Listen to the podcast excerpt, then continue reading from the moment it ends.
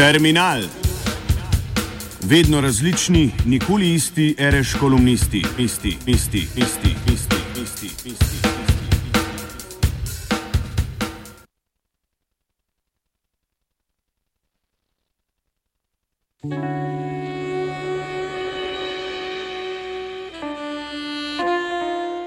Gotovi smo Xtič ali Cerar je fan Pankrtov, Slovenija gre naprej. Spoštovani, česa se lahko bojimo bolj kot močne avtoritarne oblasti kakega Janeza? Bolj kot avtoritarne oblasti, ki se požvižga na demokracijo, bi se morali bati šipke, brez glave, odsotne oblasti, ki ne upravlja svojega dela, katere moralo na psu simbolizirajo nezaščiteni delovke in delavci celo v državnih institucijah, pa vse daljše in vse bolj smrtonosne čakalne vrste bolnikov in tako dalje. Oblasti, katere papirnato pravno državo, birokratsko in arogantno simbolizira uničenje malega podjetnika, smrtnika. Na čigavi strani je v tej zgodbi vlada, je premijer pokazal z izjavo na zadnje, da delavci ne morejo voditi državnih podjetij česar delavci Luke seveda sploh nočejo, samo upravljati pa že in se braniti pred namerami vlade. V novi TV oddaji od blizu se je premijer sicer dopolnil, on delavce spoštuje, vendar so bili zavedeni, kot je rekel, torej nimajo svoje pameti. Tipična lažna spoštljivost človeka s kompleksom več vrednosti. Vesna Milek, voditeljica omenjene oddaje, mu seveda ni oporekala. Ona pač ni infonovinarka, ampak nekaj boljšega in zato ne pripravljena na resen dialog s premijem, ki je pravkar izustil neverjetno samokritiko, zaradi katere bi lahko celo ponudil odstop. Državo vlodi, eh, vodi oziroma ji vlada mafija. No, očitno je seveda, da je, da je Cerarjeva vlada ne hote ali hote pomaga, naprimer z odpiranjem vrat zasebnim koncesionarjem. Premijer se je tu lepo izdal. Najprej je rekel, nobene privatizacije luke ne bo, na to pa koncesija ni privatizacija. To zadnje seveda ni res. Koncesija je privatizacija, privatizacija storitve in je na liniji ene od tako imenovanih strukturnih reform, ki nam jih Evropska komisija in Evropska centralna banka usiljujeta od vsega začetka, še posebej pa seveda po krizi in dokapitalizaciji bank. Namreč ločevanje infrastruktur od storitev. Spomnimo se, začelo se je z elektriko še pod eurokarjeristom Tonetom Ropom in z nekim doktorjem Robertom Golobom. V politiki je bil na zadnje kot podpredsednik stranke zloglasne Alenke Bratušek, katere politiko seveda nadaljuje Cerar.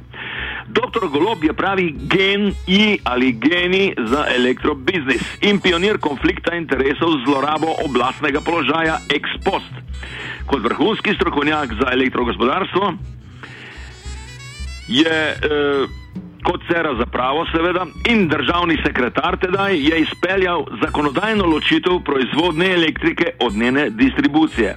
Na to pa takoj, brez kakega konkurenčnega, bi rekel, presledka, proti konkurenčnega, proti korupcijskega presledka, izstopil iz eh, državne uh, uprave in takoj postal zasebni distributer elektrike.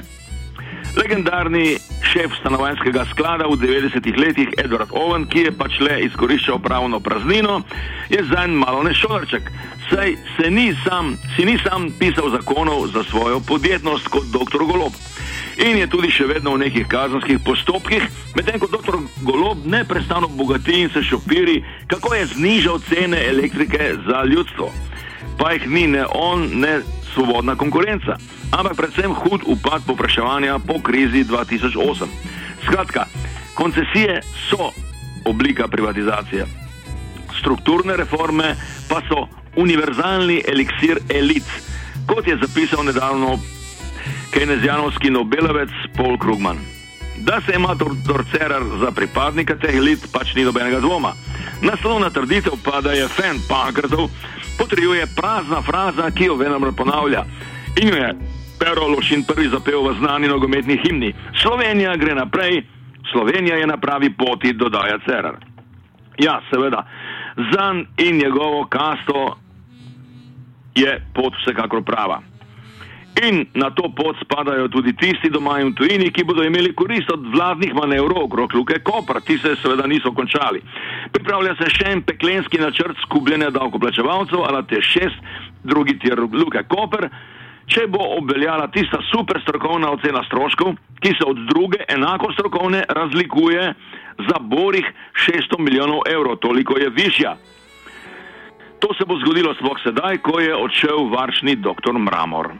Druga huda reč pa bi lahko bil odhod dolgoletnega šefa eh, Zavoda za zdravstveno zavarovanje, gospoda Fakina. Kajti reforme zdravstvenih financ ni od nikoder. No, da o napadu na sindikate pravkar z novim zakonom, predlogom zakona o sindikatih ne govorimo. Vlada je hlapčovsko brezglava tudi nozvan. Glej pošiljanje divizije 30 na rusko mejo. Prva posledica je že tu, Putina ne bo niti na simboličen obisk ruske kapelice, kar bi bil recimo minimalen znak netotalne podrejenosti Slovenije NATO-vemu provokativnemu preprečevanju vojne in zadrževanju Rusije. Logično je torej vprašanje, kaj sploh dela na oblasti gospod Cerar, kaj ga drži na nehvaležni funkciji, razen naše brezbrižnosti, ko pa v resnici ne vlada, ampak nam vladajo in njemu seveda Merklova, dragi lobby, mafija pa še kdo zakaj ustraja v vlogi, ki jo tako slabo obvlada. Vesna Milek je zamudila zgodovinsko priložnost, da ga vpraša, spoštovani premije, ali ima vaš vstop v politiko in sedaj ustrajanje na mestu premija, kako zvezo s tem, da vam je pokojna mama Zdenka nekoč rekla, da niste za politiko, samo v politiko ne, sine moj, gre eh, zgodba o tej, bi rekel, zadevi, ki ni urbana legenda, ampak je menda kar res. No, na tej točki bi lahko načel uh, zgodbo o nevarnosti, ki je skoraj večja kot uh, šipka oblast. Namreč nevarnosti prevednih, pohlevnih medijev, ziharaških, ki ne postavljajo vseh pravih vprašanj in ki ne bijajo plati zvona na vseh mogočih koncih in krajih.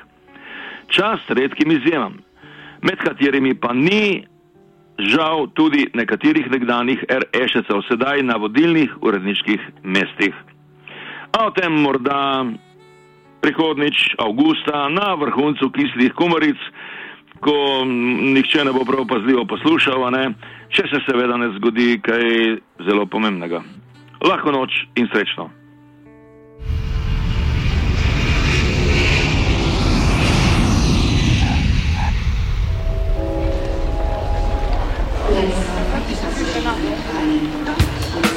Terminal. Vedno različni, nikoli isti, reš kolumnisti, isti, isti, isti.